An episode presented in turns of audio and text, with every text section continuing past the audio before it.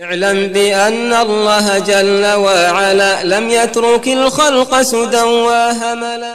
اعلم بأن الله جل وعلا لم يترك الخلق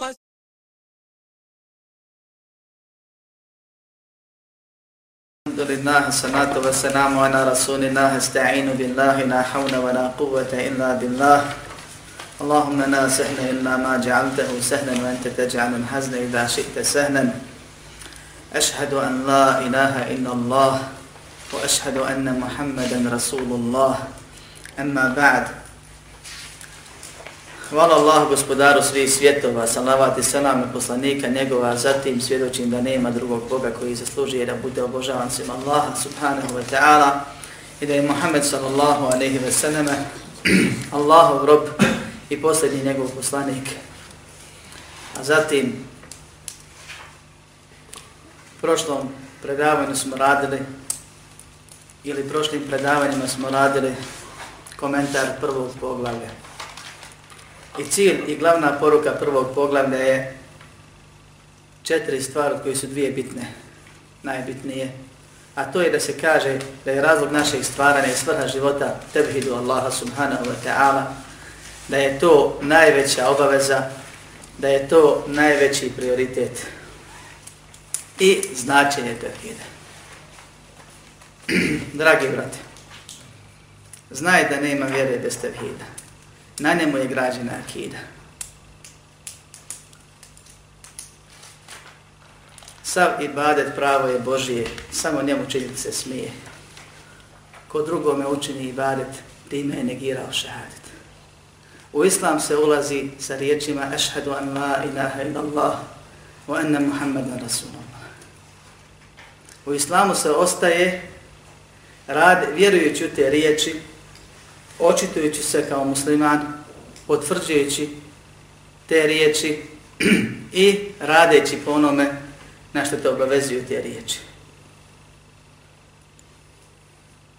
A šta je to tevhid?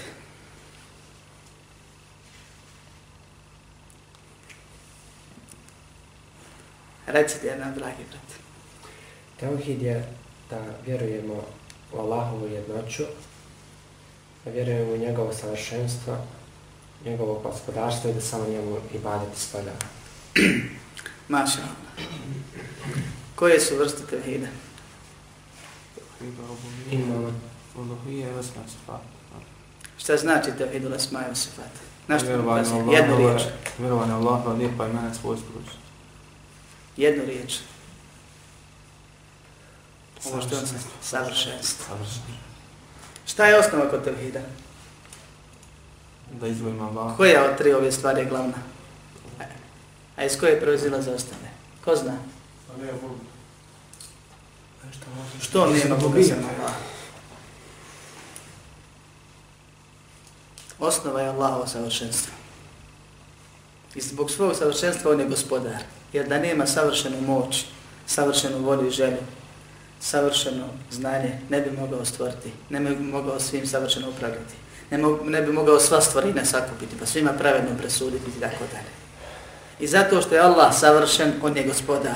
A zato što je savršeni gospodar, on jedini zaslužuje da se i pad čini. I zato imamo u alhamdulillahi rabbil anamin savršenstvo, božanstvenost i gospodarstvo koje pripada Allah subhanahu wa ta'ala. I o tome je bilo riječi. Šta je to ibadet? Recite, jesi ti mu'min? Radite ono što Allah voli od dio javi taj s kim je zadovoljno dio. Javi taj. Koje su ruknovi? Na To su ruknovi ibadeta. To je ono što čini ibadet. ibadet. Maša, maša, maša. Allah da vas nagradi i pomogne. Šta znači tevhid uluhije?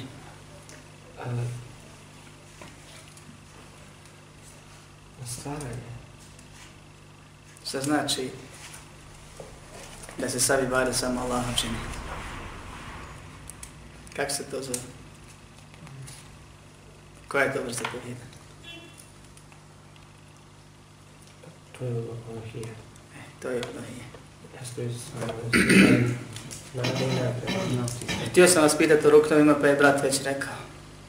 Dakle, po definiciji šeha Islama bin Taymije, ibadet je sve što Allah, ibadet je sve što Allah voli sa čim je zadovoljan od riječi i dijela javnih i tajnih.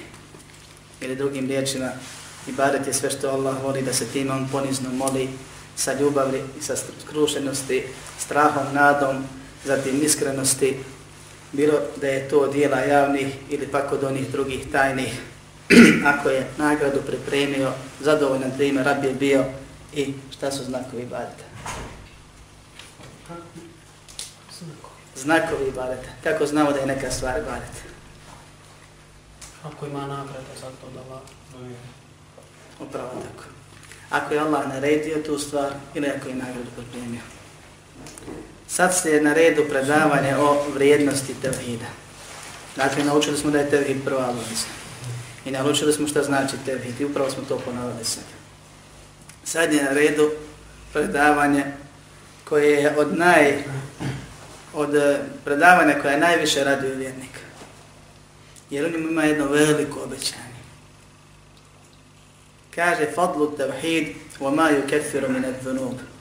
Vrijednost tevhida i to da tevhid biva razlog da se njime praštaju grijesi. Ovako se razumije ispravno pogled.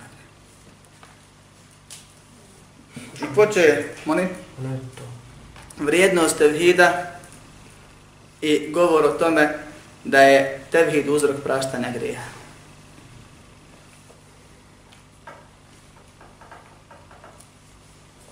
Od danas, pa ako Bog Allah bude htio tokom komentara ove knjige, svaki poglavlje ima svoj neki naslov ili početo je sa ajetom i hadisom i kad dođemo do do do objasnit ćemo šta znači ta stvar. A prije toga moramo se skoncentrisati na četiri stvari. Da razumijemo naslov i poruku iz naslova, to je propis koji će detaljno ako Bog da objasniti tokom predavanja. Da razumijemo dokaz i kako je taj ajet ili hadis dokaz za ono što se spomnio naslov. Te stvari su bitne i oko toga će biti govor ako Bog da u narodnim predavanjima ako Allah da, da se ona drži. Vrijednost tevhida i dokaz da se njime praštaju gresi. Počeo je sa riječima Allaha subhanahu wa ta'ala alladina amanu wa nam yalbisu imanahum bi dhulm. Oni koji vjeruju, zatim svoje vjerovanje sa zulumom ne miješaju. Unaike nahumul amnu wa hum muhtadun. Takvima Allah obećava sigurnost i takvi će biti upućeni. Kažu islamski učenjaci. Ovaj ajet je protumačen hadisom kod Buharije, u kome, kad je ovaj ajet objavljen, ashabi su došli i požali za poslaniku sallallahu alaihi sallam riječima ejina la jadrimu nefse, ko od nas ne čini zum prema sebi. Je svaki grijeh koji činiš mali ili veliki je zulum prema samom sebi. Pa je poslanik sallallahu alejhi ve sellem rekao nije to taj zulum nego zar niste čuli riječi Lukmana kad savjetuje svoga sina i kaže mu ja bu ne la tušrik billah inne širke na zulman azim. O sinko, nemoj činiti širk Allahu subhanahu wa ta'ala, zaista je širk najveća nepravda, zaista je širk najveći zulum. Zulum. I na taj zulum se ono odnosi u ovom ajetu. Jer je to rekao poslanik sallallahu alaihi I to je olakšavajuća okolnost za vjernika. Jer se ashabi uplašili. Kad nema sigurnosti i nema upute bez ostavljanja zuluma. A svaki grijeh je zulum. A čovjek ne može da, da nikad ne griješi. Pa kad im je pojasnilo se radi o širku, bilo im je lakše. I nama je lakše. Allah subhanahu wa ta'ala ovdje obećava obećava i raduje vjernika ovim obećanjem, kaže oni koji vjeruju. A vjerovanje je objeđenje, riječ i djelo. U ono što je Allah subhanahu wa ta'ala objavio u Kur'anu ili poslaniku Muhammedu sallallahu alaihi wa sallam pa nam je on prenio.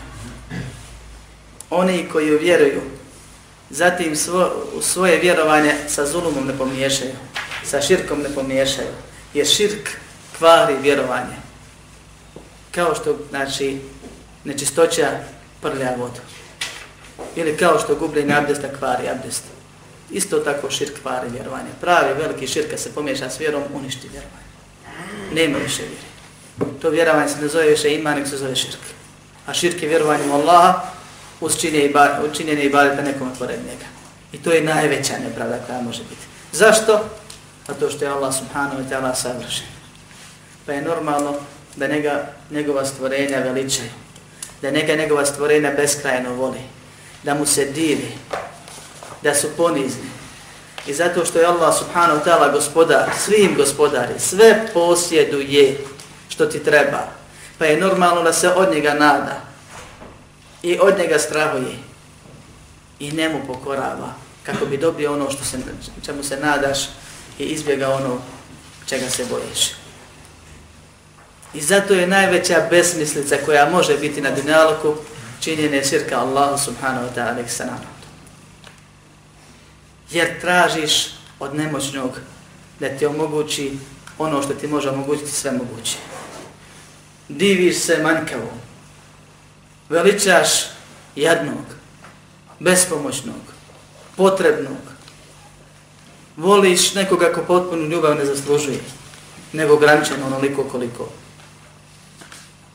posjeduje kvalitetnih osobina i tako dalje i tako dalje.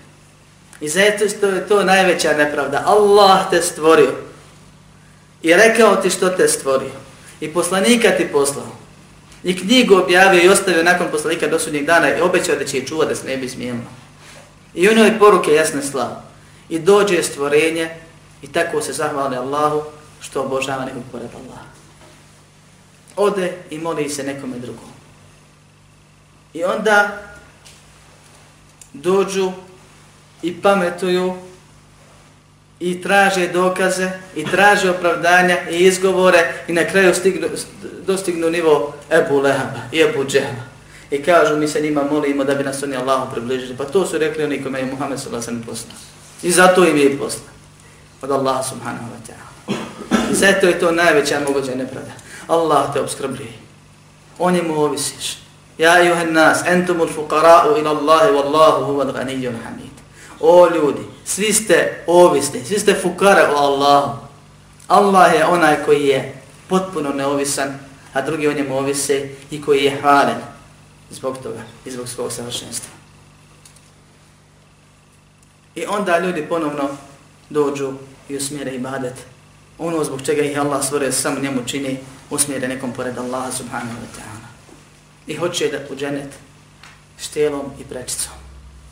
A to je razlog da se u dženet nikad ne uđe. Zato što Allah subhanahu wa ta'ala u Kur'anu kaže Inna Allaha la yagfiru in yushtake bih. Wa yagfiru ma dune dhalike mi menješa. Zaista Allah neće oprostiti da mu se šir čine, oprostit će ispod toga kome hoće. Nešto manje od toga. I zato je to najveći grije. Nisu svoje vjerovanje sa širkom pomiješane. Ulaike nahumul em. Takvi imaju sigurnost. Wahum muhtedun. Ulema se razilazi da li je sigurnost na dunjaluku, a uputa na ahiretu, ili je uputa na dunjaluku, a sigurnost na ahiretu, ili je po ispravnijem mišljenju i uputa i sigurnost na dunjaluku i na ahiretu spram vjerovanja i spram klonjenja širka. S obzirom da širk ima veliki koji izvodi iz vjere, a u ajetu potpada i mali. Pa ispravno je mišljenje da oni koji vjeruju, onoliko koliko vjeruju, a što više znaš, više vjeruješ. Što više primjenjuješ, više vjeruješ. Jer vjerovanje je objeđenje, ne možeš biti objeđen nešto što ne znaš. Riječi, citiraš, pričaš ono što znaš, pozivaš drugi i tako dalje. I dijela, primjenjuješ ono što znaš. E to je vjerovanje. Što ti je vjerovanje jače s jedne strane i što ga širk manje nagriza, mislim na mali, jer veliki ga svakako uništava u potpunosti s druge strane, to ti je veća sigurnost od dunjalku. Rekli smo da su belaje uzrok ili posljedica grija. Uzrok belaja su grijesi. Što manje grijeha, manje belaja te vrste. A oni drugi belaj kojima Allah biva, e, iskušava dobre robove su svakako pozitivna stvari, korisne stvari za vjernika. Oni radi imana dobrog, radi jakog imana. Isto tako, insan je siguran da će ga Allah subhanahu wa ta'ala pomoći. Da će ga Allah subhanahu wa ta'ala popraviti. Da će ga Allah subhanahu wa ta'ala učvrstiti da će ga Allah subhanahu wa ta'ala zaštititi I ta sigurnost i ubjeđenje u te stvari se povećava sa jačinom imana u Allaha subhanahu wa ta'ala. Jačinom znanja i ubjeđenja, jačinom spominjanja Allaha i pozivanja Allahu vjeru i potvrđivanja tih stvari, očitovanja i jačinom primjenjivanja onoga što se zna. Uz maksimalan trud ka izbjegavanju velikog i malog širka. Velikog svakako jer si muslima da se ne negira šehadat ako nekom drugom usmjeriš ibadet, a s druge strane i malog jer je to opasan grijeh, veliki grijeh, a pošto dobra djela brišu grijehe i grijesi brišu dobra djela, što veći grijeh, više ti nagriza tvoj iman. Pa je bitno da insan trudi se da poveća svoj iman i radi stvarima koje povećavaju svoj iman i da čuva svoj iman tako što će izbjegavati veliki i mali širk i njegove vrste i podvrste, a da bi to uspio mora da to nauči zna. I ponavlja je održava. Ledina, to je što se tiče sigurnosti. Na dunjalu ćeš biti siguran. I siguran si. I što više vjeruje, sve si sigurniji. Bez obzira na prijetnje, bez obzira na odvraćanje, bez obzira na zastrašivanje, insan je sigurniji. Insan je ubjeđen da će uz Allahov pomoć ustrajati. I ubijeđen je da ga Allah ako ne pomogne, neće sigurno ustrajati. Pa se moli Allahu subhanahu wa ta'ala da ga pomogne i nada se i povećava mu se nada da će ga Allah pomoć sa povećanjem njegovog vjerovanja. A sigurnost na ahiretu kad posebno bude potrebna, sigurnost u kaburu, sigurnost na sudnjem danu, sigurnost prilikom prelaska sirata, to je svakako najbitnija stvar. Međutim, ko nije bio siguran na dunjalku, u spomenutom smislu neće biti siguran na ahiretu. I što se više siguran na dunjalku, bit ćeš još više siguran na ahiretu za Allahovu pomoć. Također uputa, insan shodno povećanju svog imana povećava svoju uputu, jer to je jedna te ista stvar. I Allah subhanahu wa ta'ala nas obavještava da trudom da se poveća iman, Allah povećava uputu. I da sa povećanjem bogobojaznosti Allah povećava znanje i uputu. I mnogi su dokazi, neće imati vremena to sve spominjenemo. I poznato je da je tvoja uputa sprem tvog imana s jedne strane i da je tvoja uputa sprem tvoje čuvanje te upute, to je narušavanje širkom i grijesima s druge strane. Jer ono što narušava iman i tevhid su mali grijesi, veliki grijesi, mali širk. I ono što uništava tevhid je veliki kufi, veliki širk ili nefak. Da nas Allah sačuva. I što više imaš greha malih na kojima ustrajavaš, i što više imaš greha velikih, i što više ima pred tebi širka, pogotovo onog izgovoru koji je najiskriveniji i na onog unijetu koji je najopasniji, i najteži, tako se više nagriza tvoje vjerovanje i tako gubiš od svog vjerovanja. I zbog toga je bitno se ove stvari znaju i prati i uči i trudi insan ne kontroliše sam sebe. Jer zato smo stvoreni. I to je naš konto na osnovu koji ćemo mi, ako Bog da, tražiti narad se Allahove milosti i dobiti je uz Allahovu pomoć i na osnovu koji će se kasnije prelaziti siraću čuprija i podijeliti placeve u džennetu kojima će se vječno boraviti. A na ahiretu također smo potrebni upute. Treba ti uputa da odgovoriš na pitanja u kaboru. Treba ti uputa na sudnjem danu da te Allah stavi i zadrži sa vjernicima kad kaže neka svako koji obožava nešto ono ide ta, za njim pa kada božanstva lažna odvedu svoje obožavaoce u džehennem da ti ostaneš tu. Treba ti uputa preko sirata, treba ti uputa na kantar isto tako kad prijeđe se sirat. I treba ti uputa da dođeš do svog mjesta u džennetu koji ti je određen ako se dotle dođe.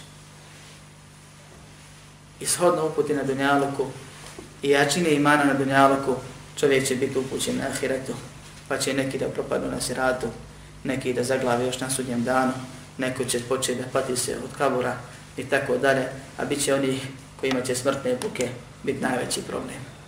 Sve nakon toga će biti bolje i bolje. Ja sam Allah učinio takvi. Amin. Kaže od Omare, i ovdje je dokaz za bitnost tevhida i opasnost širka. I za vrijednost tevhida, jer povećanjem tvog tevhida i suprotno tome čuvanjem tvog tevhida od toga da ga nagriza širk ili grijesi, se povećava tvoja sigurnost i uputa na dunjalku i sigurnost i uputa od koje zavisi vječni spas i uživanje na ahiretu. I to je, tako biva ovaj ajet dokaz za naslov. Od Ubade ibn Sami da se prenosi radi Allahu anhu da je poslanik sallallahu aleyhi wa sallam rekao Men šehiden la ilaha ila Allahu wahdahu na šarike lahu wa anna Muhammeden abduhu wa rasuluhu Ko bude posvjedočio da nema Boga sem Allaha jedini je i nema sudruga. Subhanallah. Koliko Allah subhanahu wa ta'ala a zatim njegov poslanik sallallahu alaihi wa sallam insistiraju na tevhidu i riječima tevhida, i značenju tevhida, i pravilima tevhida. Kaže, ko bude svjedočio da nema Boga, nikakvoga, osim ono što je izuzeto. Osim Allaha. Pa ponovno dolazi sa rečenicom koja ima isto značenje. A mi smo govorili da je odrecanje od lažnih božanstava uzrok da se prihvati tevhid. Jedini je. U čemu? Tri stvari savršenstvo gospodarstvo i pravo na ibadet. Nema sudruga. Nikakvog. Nema sudruga u tome da je neko sličan Allahu subhanahu wa ta'ala. Nema sudruga u tome da neko ima, da ima pomagača da mu treba. Nema sudruga u tome da ima neko vlasti u dijelu njegove vladavine, njegovih njegov stvorenja subhanahu wa ta'ala. Nema sudruga u tome da neko može samostalno da šefaat čini, da ne šteli kod Allaha, ako što vjeruju u neke zlobuljele sekte. Da ako je Allah dao nekom pravo na šefaat, on može koga hoće uvesti u dženet kako hoće. Pa je se bitno njemu umiliti i njemu ibadet činiti i njemu približiti kako bi te on u dženet šefaatom mogao. I to nema. Mala tenfa'u šefa'atu indahu illa bi idni. Neće koristi šefa'at kod njega osim s njegovom dozvolom. Wala yashfa'una illa liman irtada. Neće oni moći čini šefa'at osim za onoga s kim je Allah već zadovoljan. Su kuranske poruke. Nema Allah su druga ni I zato se ne smije i vada činiti nekom pored njega, vjerovat da neko posljed, može činiti dijela koja samo Allah čini od stvaranja, vladanja, upravljanja, obskrbe i tako dalje, niti ovaj prepisati nekome samo Allaha osobinu koju samo Allah posjeduje. Jedno od osobina savršenstva, dovoljno da čovjek izađe iz vjeri. Kaže ko bude svjedočio. A ko je svjedok? Ko može svjedočiti? Možeš ti biti svjedoč za nešto što se desilo u Americi? Što? Jedno ako vidim. Ako vidiš, ako znaš. Allah hoće od nas vjeru, ubjeđenje, ne izgovor. Svjedočim da nema Boga sem Allah, pa kaže da je ođami, ako tamo šta bude, da se osiguram, ako ne bude, ja nako nisam se nešto patio pet minuta namaze. Ko bude svjedočio, znači zna, vjeruje, ubjeđen je kao da je vidio. I kaže, svjedočim da nema Boga sem Allaha. Jedini je, nema sudruga. I da je Muhammed sallallahu aleyhi ve sellem i njegov robin poslanik svjedoči da nema Boga sem Allaha. Šta znači to? Znači da zna ko je Allah. to vas pitam skoro svaki des ko je Allah. Savršeni gospodar koji jedini služi i badet. Kako će svjedočiti ne, nešto što ne znaš? Učinjaci ovdje spominju pre, primjer. Kaže, kad dovedu kod kadije čovjeka i barnice se dvojica za auto čije je. I ovaj dovede lažnog svjedoka da posvjedoči da je njegov auto, a da nije od onog drugog. I sasluša njega kad je, šta si uradio, čije je auto, kaže Hasino. Jel Husno, kaže nije Husino. A ko je Huso? Ne znam. Kako znaš da nije kad ne znaš ko je? Kaže, pogledaj kroz prozor parking, ko je auto? Ne znam. A ne može biti svjedok. Ko ne zna ko je Allah, ko je Muhammed sallallahu alaihi wa sallam. I šta znači tvoje svjedočenje? Na što se ti se obavezuješ? Da nije svjedok Ko svjedoči da nema Boga sem Allaha, nema božanstva koje jedino i bade zaslužuje, to znači sem Allah subhanahu wa ta'ala, to su sartovi šehadeta, al-ilm wal yaqin wal qabul wal inqiyad fadri ma aqulu as-sidq wal ikhlas wal mahabba wa Allah lima ahabba ko što kaže šejh Hakim u svojim stihovima znanje ubeđenje prihvatanje pokornost istinu istina da istinu govoriš ihlas da sve to Allahu usmjeriš. To je druga ona vrsta iskrenosti. Ili jedno i drugo prevodi kod to iskreni. Prvo je istinu da si rekao, da ne lažeš, da nije munafik čovjek. A drugo je ihlas, da nije mušrik. Da sav ibadet Allah, vol mehabbe i da Allaha voliš. Onako kako se Bog voli. A ne onako uspu, zato što ti daje blagodati i čuvate od balaje. sam. wa anna Muhammadan abduhu wa rasuluhu. I ko bude svjedočio da je Muhammed sallallahu alaihi wa sallam, dakle znao ko je Muhammedu govori, zna osnovne stvari o njemu, ko je, šta je, i glavna stvar da je on Allahov rob, što znači da nema sa Allahom ništa, da nema pored Allaha ništa, u smislu nekakvih prava specijalnih koji bi povlačili da se njemu ibadet pored Allaha čini, da ne može svojom voljom ništa uraditi, da ne zna nepoznato gajb, jer da je znao gajb izbjegao bi udarce na uhudu da ga ne pogodi. Da ne može uputiti koga hoće, jer da je mogao uputiti uputiti bi svoju majku, svoga amiđu i tako dalje. Da ne može nešto doprinijeti sama Allah subhanahu wa da ne može šefaat kako hoće činiti, ko što neki misle, nego i nas je obavijestio u hadisu, vjerodostojnom, fa yuhaddu li had. Kaže, postavit će mi se granica među ljudima, među skupinom ljudi, pa će mi se reći, čini šefa za ove, pa ću činiti šefaat za njih. Zatim će mi se postaviti druga granica, označi skupina, pa čini šefaat za ove, pa ću činiti šefaat za njih. Pa kad bude činio veliki šefaat, prvo će doći, pa pasa sežu, pa moli, pa moli, pa moli, dok Allah tjedne. Pa kad mu se kaže, digni glavu i pitaj da što tražiš, onda će čini šefaat. I tako dalje. Da je prvo rob, da Allah s njim radi šta hoće. Poslanik je to što ga je Allah odabrao da bude poslanik. A mogu je Allah odabrati nekoga drugog. Ne zato što je on nešto poseban. I tu posebnost koju pred njima ima, on je najbolje stvorenje Allahu.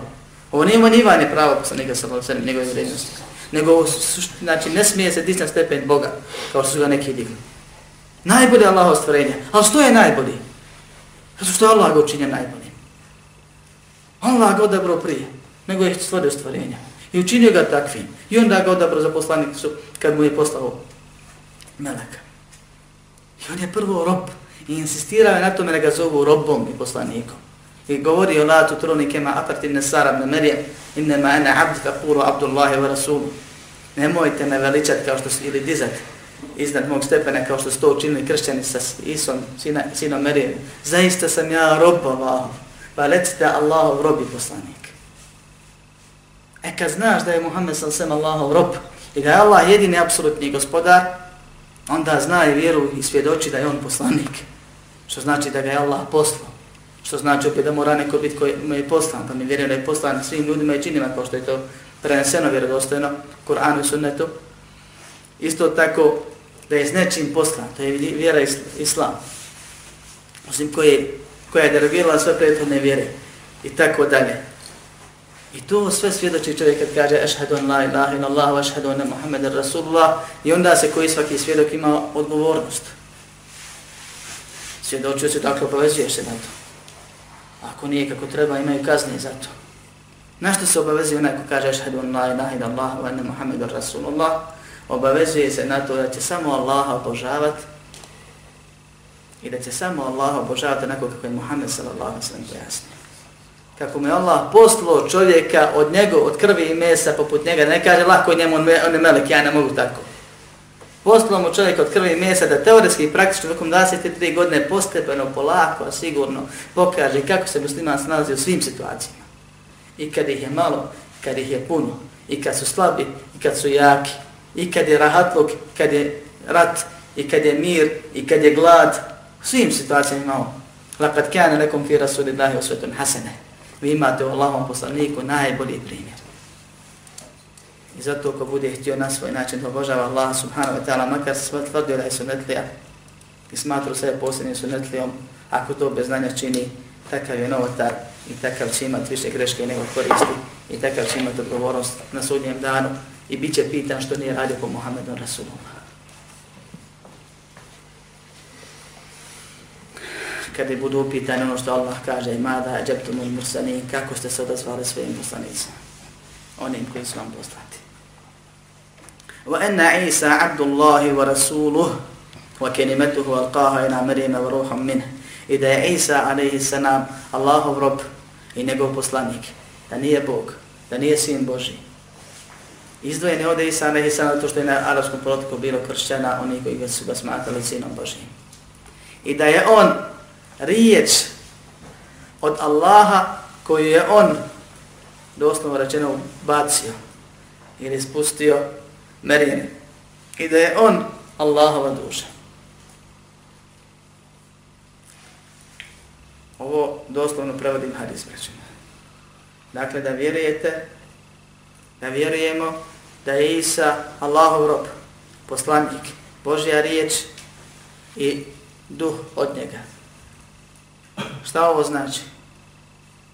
Arapi koji poznaju arapski jezik nema nikakvih problema s ovim. Ali se našli muslimani koji su iz ovoga sebi dali za pravo da vjeruju svašta, pa je njihovo sekta više liči na kršćanstvo nego na islam. Kaže poslanik sam sve, ko svjedoči da je Isa Allahov rob i njegov poslanik. I o tome sam govorio isto što se odnosi na Muhammeda, što sam odnosi se na Isa. I da je to Božja riječ koji je spustio Marijan.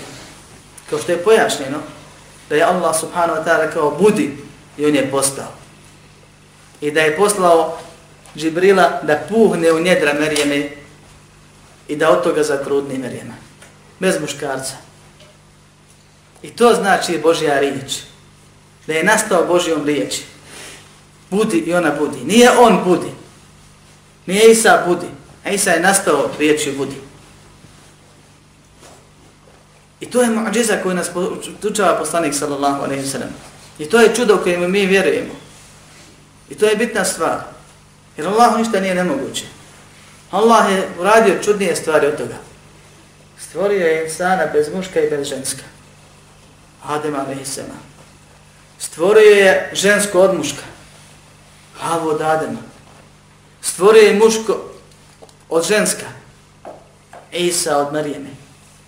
Uvijek svojim riječima budi i bude. I ostali narod stvara onako kako se stvara od oca i majke.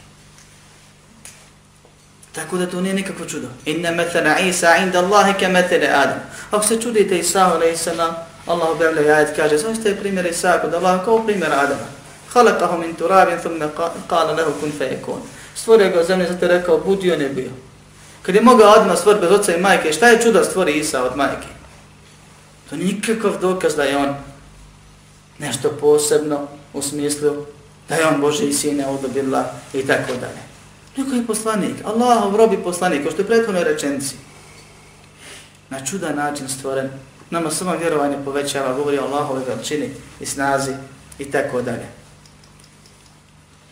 Varuhum min i da je to Allahova duša, duša od Allaha subhanahu wa ta'ala. Kad kažem Allahova duša, nemojte me čudno gledati ljudi. Pa zar mi ne kažemo za džami da je to Allahova kuća? Tako je kod Araba, jasna stvar. Šta znači kuća koju je Allah odabrao? Sve džamije su Allahove kuće. I dođe čovjek i kaže, ne može se to na to odnositi. Što? Kaže, pa ako kažem da je to Božja riječ, pa svi su ljudi nastali od budi i budi. I ako kažemo da je on Božja duša u tom smislu, pa svi su ljudi nastali, šta, kakva je pojenta u spominjanju njega? Je li tvoja i moja kuća, moja ili Allahova? Allah. Pa se opet džamije, na, džamije imaju osobinu Allahovi kuća. A jedna džamija, pored svega toga, je nazvana Bejtullah, to je Kaaba. Što? Zato što kad Allah nešto pripiše sebi od predmeta ili živih bića, stvari koje imaju svoje, ovaj, svoje biće, to znači da Allah tu stvar vedne posebno i da je to čast za onoga ko bude izdvojen. Pa se kaže Rasulullah, i Abdullah, poslanika sallallahu se naziva Abdullah, Allahov rob, u najčestnim situacijama u Koranu. Prilikom Israjne, Arađa, prilikom namaza i tako dalje situacija. Naziva ga Allahov rob, a svi su mi Allahov rob. A to je pravi Allahov rob. Sve kuće su Allahove kuće, sve zgrade su Allahove, sva zemlja je Allahova zemlja. Ali su džami Allahove kuće, idi tamo klanjati 27 puta namaz veći. Ali Kaaba Allahova kuća, nazvana tako, ne samo opisana. Mešćidi džamija se zovu mešćidi džamija, osobina je da je to Allahova kuća. Dok Bejtullah je Bejtullah, naziv, jedan naziva Kabe je da je to Allahova kuća. Što? Sto hiljada namaza tamo. Pa nahađ jednom životu obavezan otiš tamo ako se mogućnosti. I tako dalje. Tebi se koristi svača, cijeni to stvar. To znači. I zato je razlika i ovdje. Svi smo mi Allah, ovaj duša, u smislu duša od Allah, Allah nas stvorio. Ko Isa, ali nismo mi isti ko Isa, Bože sačuvaj. On je jedan od odobranih pet poslanika. I tako dalje, tako dalje.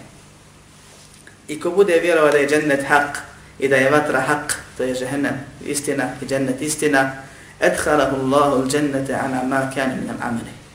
Dakle, ko bude vjerovao Allah, ukratko rezime hadise, i u poslanika, i ostale poslanike, i ono s čime su došli poslanici, a samim tim i meleke, i knjige, i ko bude vjerovao u sudnji dan, a minimalno vjerovanje u sudnji dan, da vjeruješ da ima života nakon smrti, da ima proživljenje, da ima suđenje i ima nagrada i kazna. To je ove stvari.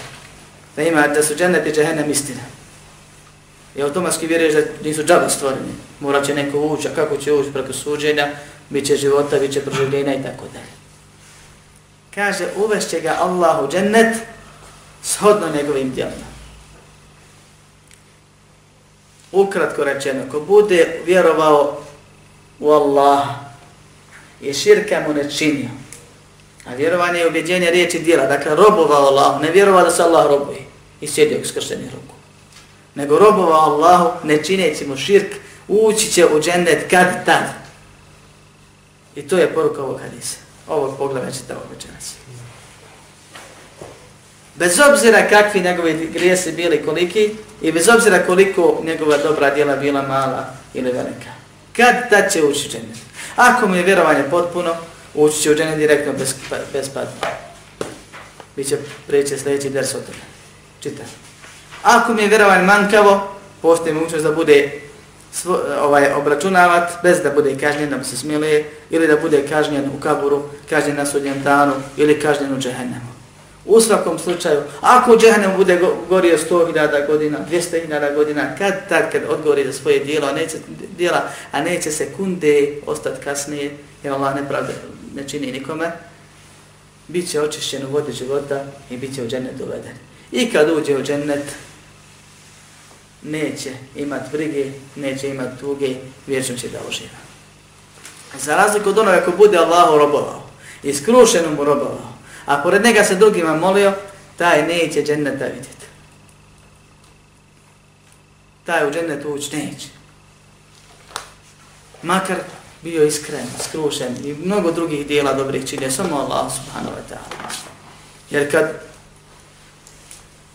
roditelji poslanika sallallahu sallam, Amidža poslanika sallallahu sallam, djed poslanika sallallahu sallam, kad su oni mušlici, ko što je to jasno u Kur'anu i sunetu historije Islama, a tavafili, nahar svake godine išli. I činili druge ibadete. Allahu subhanahu wa ta'ala iskreno i ustrajno. A pored toga se molili drugim božanstvima samo opet da ih Allahu približi, ne zbog nečega drugoga. Kad oni neće, pa preći i neko drugi da neće.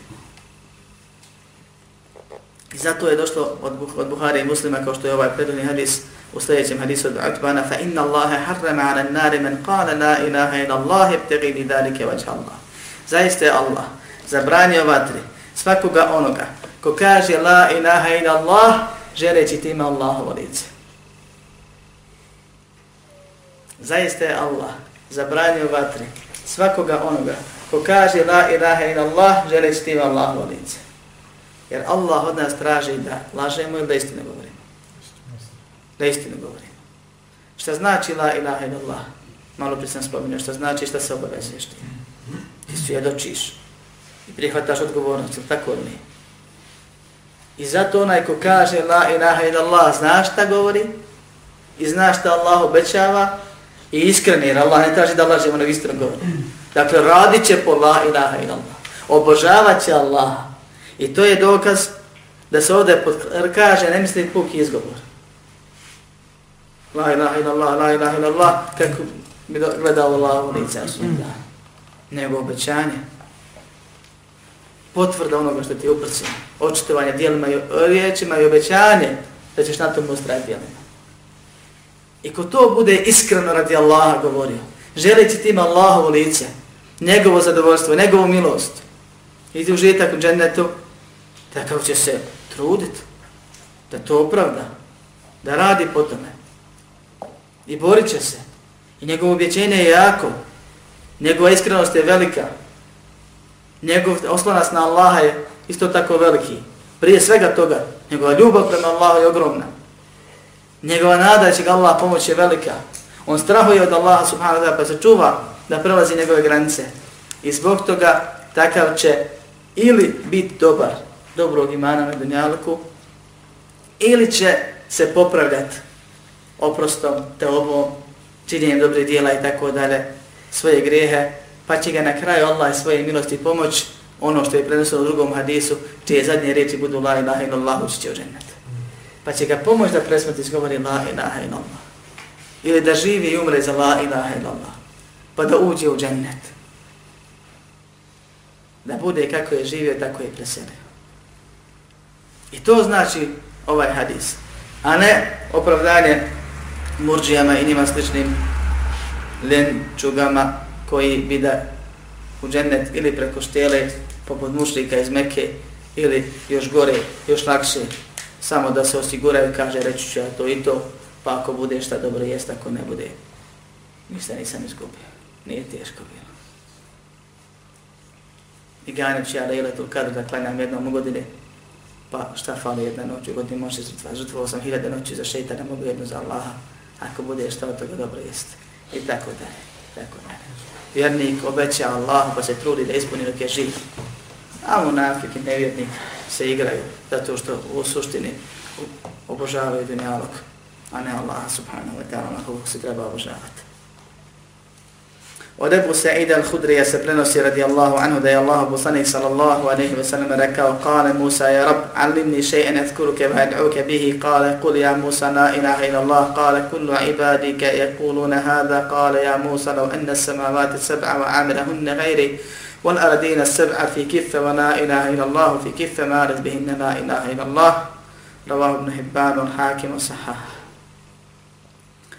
Prenosi Ebu Sejid al-Hudri radijallahu anhu od poslanika sallallahu alaihi wa sallam da je rekao Rekao je Musa alaihi sallam Gospodar moj, poduči me nečim čime ćete spominjati i moliti te time.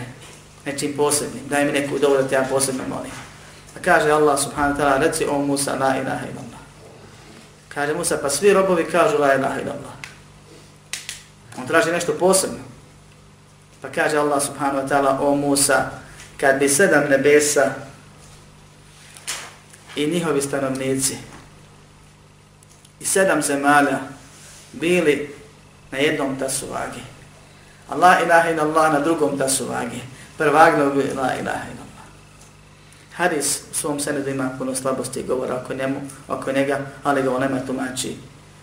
I često se razgleda zbog prvog dijela hadisa, da li je Musa zaista to ne znao ili nije ne znao, da li znači da nije znao ili on ne htio nešto posebno i tako da li to neće biti tema, jer bitno je ovaj zadnji dio zbog čega je i šeh spomenuo hadis u ovom poglavlju, a to je da Musa po, po hadisu kako stoji je tražio nešto posebno, pa mu je Allah dao najposebnije.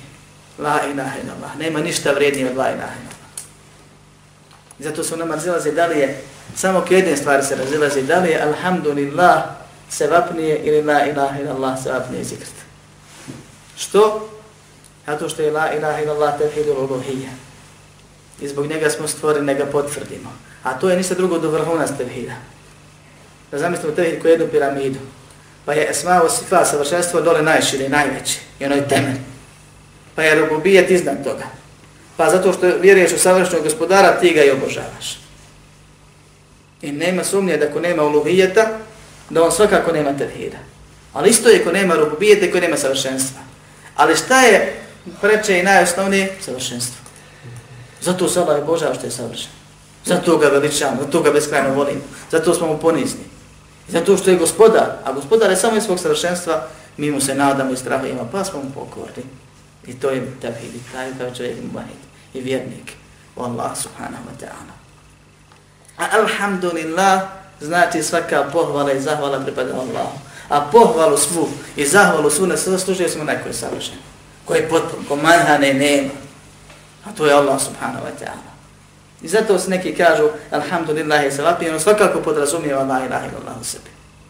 Dok drugi kažu Allah posebno naglašava tevhidu luluhija zato što je širk tu se desio I svi vjeruju u savršenstvo i gospodarstvo, ali širk, u, u čine širk, pa je bitno da se to radi i na osnovu ovih hadisa koji su preneseni, a u kojima ima obično slabosti, ovaj, kažu preći da se kaže la ilaha ila Allah. U svakom slučaju jedno i drugo ima isto značenje na kraju. Jer onaj koji jedini zaslužuje ibadet ne bi ga zasluživao da on nije savršeni gospodar. I onaj koji je savršen, on mora da bude i gospodar. Ne može neko drugi stvoriti osim njega. Upraviti osim njega, nagraditi kazniti osim njega, održavati, obskrbljivati, upućivati osim njega i tako dalje. I samim tim on zaslužuje ibadet.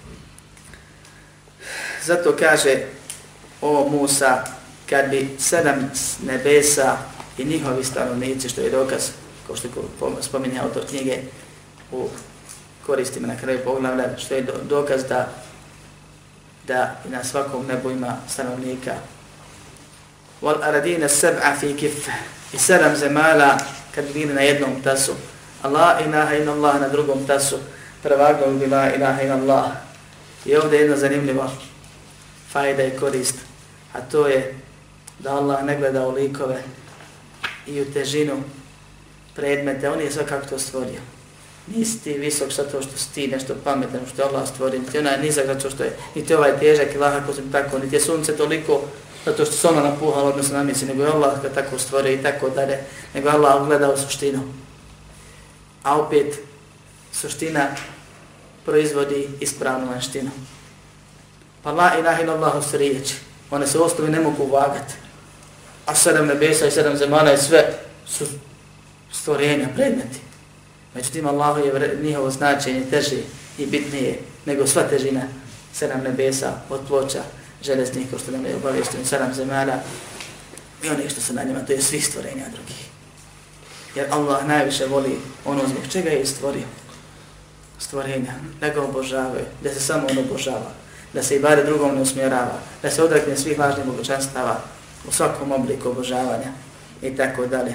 I od Tirmizija se prenosi od Enesa da je poslanik sallallahu odnosno bileži tirmizi od Enesa da je poslanik sallallahu sallam rekao قال الله تعالى ركى الله uzvišeni jebne Adem lau etejtini bi kurabi l'ardi khattaja thumma laqitani la tušriku bi še'a la etejtuke bi kurabiha magfirah ovaj sened kod Tirmizija je slab.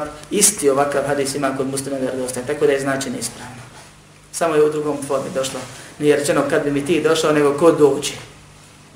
Pa ćemo ovaj hadis kod tumačiti zato što je on spomenut tu. Kaže Allah subhanahu wa ta'ala sine Ademu, kad bi mi došao sa gresima koliko je čidjela zemlje po planete, toliko grija. Zatim me sretniš, bez da mi ikakav širk činiš, došao bi ti sa isto toliko oproste.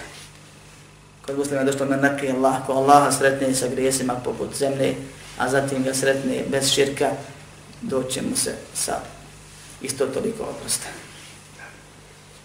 I ovdje se govori o vrijednosti tevhida.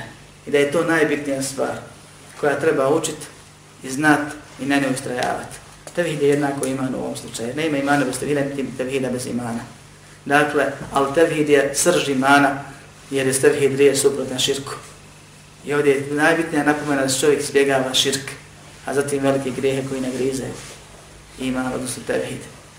I postoje otprilike četiri situacije, a govor o tome ćemo nastaviti svakako sljedećem poglavlju kad bude. Prva situacija je da onaj ko dođe sa potpunim imanom, odnosno potpunim tevhidom, takav će biti na sudnjem danu proći bez polaganja računa i bez kazne. Direktno ide u džennet. Druga situacija je da čovjek dođe krnjavog imana, ako razdvojimo, pošto postoje stvari koje se odvojeno kad spomenu, imaju, svaka ima svoje dodatno značenje, kad se, kad se sastavljeno spomenu, a kad se odvojeno spomenu, sve znači isto. Primjer, imam, tevhid, islam, sve je to jedna stvar, pojedinačno. A kad kažem iman islam, onda islam znači jedno, iman znači drugo, a međusobno se isprepliču u nekim stvarima. E tako je ovdje sa tevhidom imanom. Tevhid je nečinjenje širka, uz obožavanje samo Allaha. A iman je vjerovanje i djelovanje po svemu onome što je Allah objavio. Što znači kad kažemo tevhid i iman, mislimo na tevhid suprotno širku. Tako da druga kategorija su ljudi, oni koji će doći kod Allaha subhanahu wa ta'ala, a nisu Allahu širka činili, ni velikog ni malog, ni se pokajali. Odgojili su sebe da, ne šine, da, da, da se ne pretvaraju pred ljudima i ne prave boljim od njih. da na jeziku ne govore što hoće Allah i doktor, da nije Bog i doktor, nego kažu Allah zatim doktor ili neke druge stvari ko što se nisu zakljeni, ali nikom čimo se Allah i tako dalje. Dakle, došao je na sudnji dan, nema širka, ali ima grija. Ili velikih ili malih. Takav će, Allah najbolje zna, biti pitan za grehe koji će potvrditi, a zatim će mu biti rečeno, idi oprošteno ti. Ili nadati se, ne svi. I treća kategorija su opet ljudi mu vahidi, jer nisu širka činili. Ali ima i malo širka pri sebi puno, koji nisu ni primijetili, nisu ni znali ili su se nisu od njega pokajali i tako dalje. U prvoj kategoriji postoji ovaj, mogućnost da Allah oprosti dio malog širka. U drugoj, pardon. Ovaj, imaju puno velikih greha, takvi će da polažu račun pa će nekima biti oprošteno iz Allahove milosti, a neki će biti kažnjeni za svoje djela. I mnogo muvahida, mnogo muslimana će biti u džahennemu, pa onda u džennetu. Ali pojenta to da će na kraju svi u džennetu. Za razliku od koji umru bez tevhida, takvi neće ući džennet. I četvrta kategorija su oni koji će biti kažnjeni, meni se odnosi to. Dakle, polagat će račun i biti kažnjeni. U trećoj polagat će račun, pa će nekima biti smilovano, a služni su kazni, kaznu, a drugoj kategoriji će Allah zbog tevhida oprostiti. I zato kad učenjaci govore o dijelima kojima se praštaju grijesi, na prvom mjestu to je tevhidu Allaha subhanahu wa ta'ala. Govorimo o dijelima, Postoje stvari koji su uzrok brisanja greha, pa prvo je pokajanje. Ovaj, ali dobra, pa je drugo je stigfar, treće je dobra djela. A u ovoj kategoriji, koja je to dobra djela najviše brišu greha? Najviše greha briše tevhid. Kao što je došlo u ovom hadisu, ko sretni Allaha sa gresima poput planete, Allah će ga, a ne čini širka, Allah će ga zbog tog tevhida, jer to je uzrok, a ne čini širka uvjet. Allah će ga zbog toga, doćemo sa toliko oprosti, su prostimo svetom. I veoma je bitno da čovjek razumije prioritete svoje vjere, da zna da je tevhid najsevapnije, najbolje i najobaveznije dijelo, pa se oko njega trudi i da je širk najpogubnije dijelo, pa da se kloni da se čini velikog i malog širka. I tevhid je dijelo koje briše grijehe i velike i male. I briše širk i veliki, svakako jer nije u tevhidu uopšte ako se nije pokajao velikog širka i mali širk. Ako se ili biva uzrok da Allah zbog njega oprosti čak i mali širk i velike grijehe. Za razliku od drugih dijela, isto tako učenjaci spominju da postoje neka dijela kao što je borba na Allahom putu i pogibje na lahom putu gdje Allah briše sve grijehe, pa i velike, osim duga, na primjer. Za razliku od hađa i namaza gdje je osnova da se brišu mali grijesi. Ali zbog veličine i batite s jedne strane i manjke i malih greha s druge strane, učenjaci po ispravnijem mišljenju spominju da se može oprostiti dio velikih grijeha ili neka velika grijeha i bez pokajanja kod tih dobrih dijela, pošto poput namaza, poput hađa i posta i tako da ne velikih dobrih dijela. A osnova je, kao što je došlo u hadisima, innal hasenati od himne sejiat, u Kur'anu, innal hasenati od hibne sejiat, zaista dobra dijela brišu grijehe, i u hadisima, as-salavatul hamsu, al-đumu'atu ila l-đumu'ati, wa ramadanu ila ramadan, mukefiratun ma bejne hunne, i da istuni betil kebair, namaz do namaza, džuma do džume, ramazan do ramazana, brišu greh između njih, ako se ostave veliki gresi. I to je osnova, da dobra djela čine brišu male grehe. Ali nije to generalno pravilo bez izuzetaka. Postoje izuzetci da budu dobra djela brojna ili teška i rađena s velikom iskrenošću, s velikim ubjeđenjem, a da mali grijesi budu mali pa, ili veliki grijesi ne budu toliko jaki ili se na njima ne bude ustrojavalo i tako dalje, pa da Allah oprosti dio jednu samo grijeha ili određene grijehe, ali ne sve velike grijehe. Molim Allaha subhanahu wa ta'ala da nas poduči tevhidu, poživi na tevhidu, usmrti na tevhidu, poži, po, poživi, proživi sa onima koji su živjeni umrli na tevhidu. Amin. Alhamdulillahi rabbil alamin.